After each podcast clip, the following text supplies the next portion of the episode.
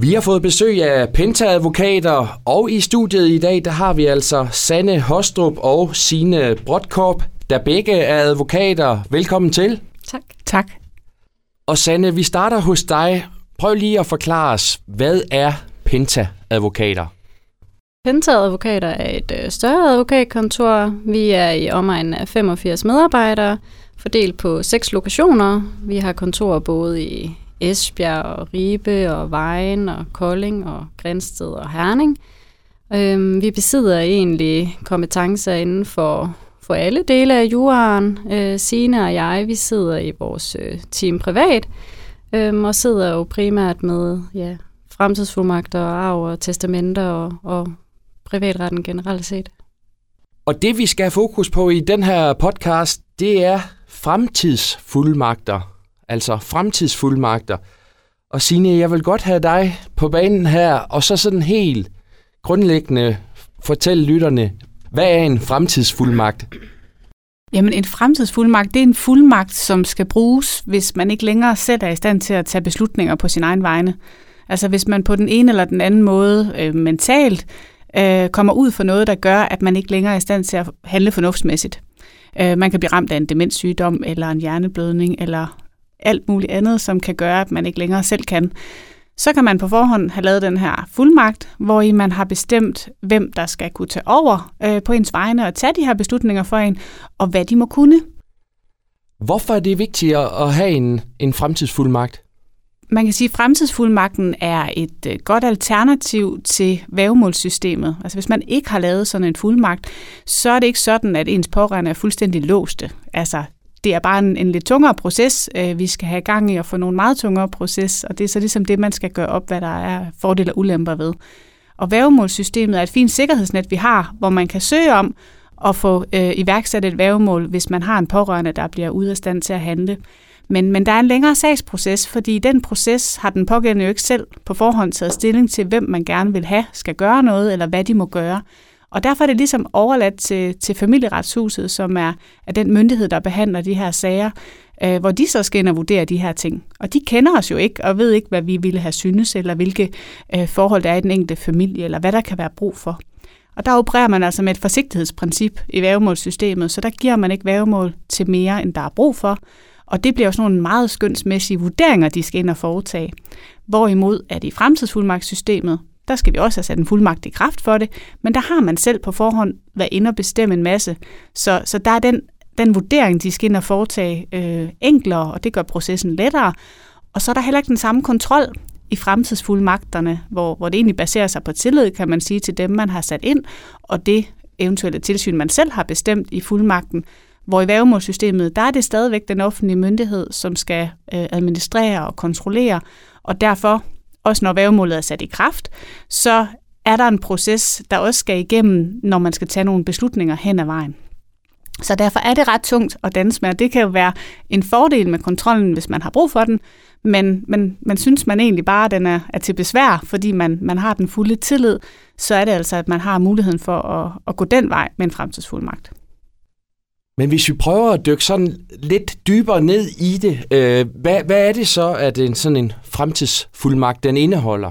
Ja, men altså den indeholder jo egentlig en rimelig bred adgang til at træffe øh, beslutninger på, på fuldmagtsgivers øh, vegne. Øh, fordi i og med, at man har besluttet, øh, hvem man har tillid til at træffe beslutninger på ens vegne, så, øh, så er den her adgang også rimelig bred. Øh, og det gælder både økonomiske beslutninger, men også personlige beslutninger.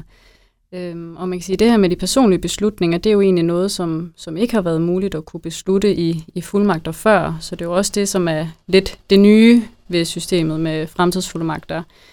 Men det eksempel, som nok er, er mest relevant, det er for eksempel, hvis man har et, et ægtepar, som ejer et hus sammen, og manden lige pludselig er blevet dement, og, og hustruen hun vil gerne sælge huset, men det kan hun ikke, hvis manden ikke kan skrive under. Og det har hun så mulighed for ved for eksempel at kunne have den her fremtidsfuldmagt. Så det er et af de eksempler. Øhm, og et af de øh, eksempler på personlige beslutninger, det kunne for eksempel være det her med at kunne søge om øh, hjælpemidler eller, eller lignende ved, ved kommunen, og, og på den måde agere som, som part på den andens vegne. Så, øhm, så det er nogle af de eksempler, der kunne være på, øhm, på ting, man kan træffe beslutninger om. Oplever I, at, øh, at folk har fokus på det her med fremtidsfuldmagter, når man kan sige, at, at det er for sent?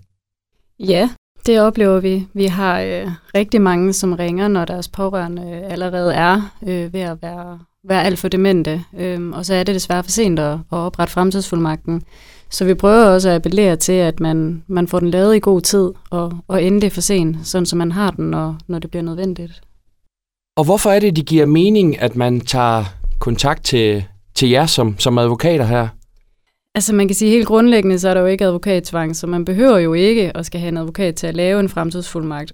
Men vi anbefaler generelt set, at, at man gør det øh, lige så meget for, at, at man får rådgivningen omkring det, øh, sådan så man får strikket den fremtidsfuldmagt sammen, som, som passer til en, øh, og så man kan få en drøftelse af, hvad, hvad de forskellige ting øh, betyder. Øh, vi oplever, at der er rigtig mange, som ikke er klar over, hvad, hvad de forskellige begreber egentlig helt går ud på. Øhm, så derfor så, så giver det rigtig god mening, at, at man søger noget rådgivning, øh, inden man, man får den lavet. Og man har jo mulighed for at selv at kan lave sådan en fremtidsfuldmagt, men I anbefaler altså, at, at, at I kommer på banen, og hvordan opretter man sådan en? Jamen altså først så, som Sanne siger, så tager vi en, en snak med folk om, hvad det er, deres øh, konkrete situation og ønsker er til det her. Vi rådgiver dem ind i at, at få overvejet øh, de forskellige muligheder og konsekvenserne ved de valg, som, som de tager. Og når man så ligesom har fundet ud af, jamen hvem er det, der skal sættes ind som fuldmægtige? Skal der være en plan B? Altså har jeg sat min ægtefælle ind, og, og så dør han eller hun, og kunne børnene så få lov, og hvordan skal det strikkes sammen?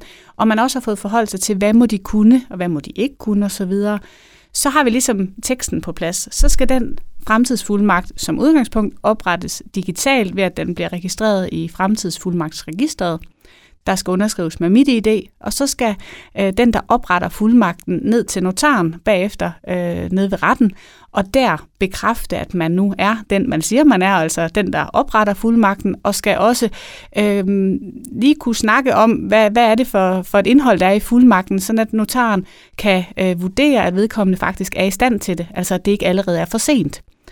Øhm, og så er den gyldig, og så, er den, så ligger den der og sover, kan man sige, indtil den dag, man eventuelt skal bruge den.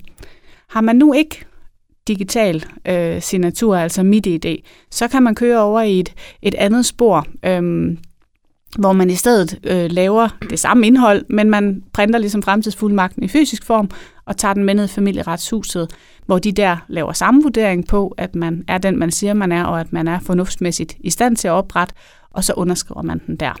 Øhm, og det gør jo så, at, at den her fremtidsfuldmagt, så, så er den oprettet, den er ikke sat i kraft, men så er den klar, hvis den skal bruges.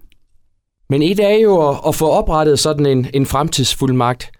Hvordan og hvorledes I, sådan, i forhold til at også få den til at, at træde i kraft? Jamen, hvis man står i den situation, hvor, hvor det er nødvendigt at, at få den her øh, fremtidsfuldmagt sat i kraft, så skal der sendes en anmodning til familieretshuset, øh, som som udgangspunkt skal være ledsaget af en lægeerklæring. Og så er det så familieretshuset, som træffer en afgørelse, om de mener, der er grundlag for at sætte fremtidsfuldmagten i kraft. Øhm, og så går de så ind og, og tinglyser den her fremtidsfuldmagt, således at den bliver tilgængelig inde i personbogen. Øhm, og derved så har man så sin digitale fuldmagt derinde. Er det nødvendigt at få lavet sådan en, en fremtidsfuldmagt? Det kan man jo ikke vide, kan man sige, Nej. fordi vi skal ikke alle sammen blive ude af stand til at handle. Så det er jo lidt at sammenligne med en forsikring. Altså det er jo ikke ligesom, vi skal alle sammen herfra, og vi dør, og derfor kan vi overveje, med testamente er relevant. Men med en fuldmagt, der, der handler det jo om, at, at hvis vi bliver ude af stand til at handle, vil vi så gerne have den her fuldmagt. Øhm, så vi kan sammenligne det med en ulykkesforsikring. Ikke? Også at sige, at vi skal ikke alle sammen komme til skade, men kommer vi til skade, så, så kunne det være dejligt at have den. Ja, og vel også det der med, at, øh, og ikke at vente til, til det for sent. Lige præcis. Altså hvis ulykken først er sket, og man er blevet dement eller på anden måde ramt, så er det jo for sent at få lavet den her fuldmagt. Så, så det handler jo om at være på forkant med det. Er der typisk sådan en, en alder, hvor I ligesom tænker, der, der anbefaler man, at man begynder at, at begynde at kigge på det her, eller, eller handler det sådan set for os alle sammen om bare hurtigst muligt at få styr på det her? Altså, vi kan jo ikke sige, at det er nogen, det ikke er relevante for. Og nu ved jeg godt, at, at vi er miljøskadet, så vi synes jo, at det er relevant for alle at forholde sig til. Fordi selvom man er, man er yngre, og demens måske ikke er den største risiko, så ved vi det ikke. Øh, og vi kan alle sammen altså, blive ramt af noget andet, og man kan sige, jo yngre man er, jamen det gør ikke, at man ikke har gang i nogle ting, hvor det kan være relevant for andre at kunne tage beslutninger for en. Øh, der kan også være huse og, eller hus og bil og, og så videre. Øhm, så jeg synes ikke, det har en alder på den måde. Oplever I, at det her det er noget, som, som danskerne har fået øjnene mere op for? Ja, det gør vi øh, helt sikkert. Altså, der begynder at komme rigtig, rigtig mange henvendelser. Øhm, og det er nok typisk de, de lidt ældre, som, som ringer og gerne vil høre lidt mere til det, fordi så har de hørt, at naboen har fået det lavet, og så vil de gerne lige høre, om hvad går det her ud på, og det er noget, vi skal have styr på. Men, men vi oplever, at der er begyndt at være rigtig stor opmærksomhed omkring det. Og hvis man sidder derude nu her, ja, uanset alder kan jeg forstå, øh, og tænker, det skal jeg bare have styr på, og Penta-advokater virker som nogen, der, der virkelig kan, kan hjælpe mig her. Hvad, hvad, hvad gør man så helt konkret? Så øh, skriver man en mail til en af os, eller man ringer til os øh, og snakker med enten Sande eller jeg, eller en af vores kollegaer, som også arbejder med det her område. Øh, vi er flere, øh, og vi sidder jo rundt på de forskellige kontorer, vi har, så man har muligheden for at, at komme ind lokalt øh, på et af vores kontorer og få et møde med, med en, som ved noget om det. Og så, så får man en aftale og, og en snak om det her, og hjælp til at få det lavet man må altid give os et kald, og det, øh, det, det koster ikke noget lige at få en, en, en indledende afklaring af, om, om det er noget, man har, har et behov for eller ej. Jamen, øh, tusind tak for at, at gøre os lidt klogere på øh, fremtidsfuldmagter, og det var altså fra Penta-advokater Sanne Hostrup og Sine Brodkop, begge advokater.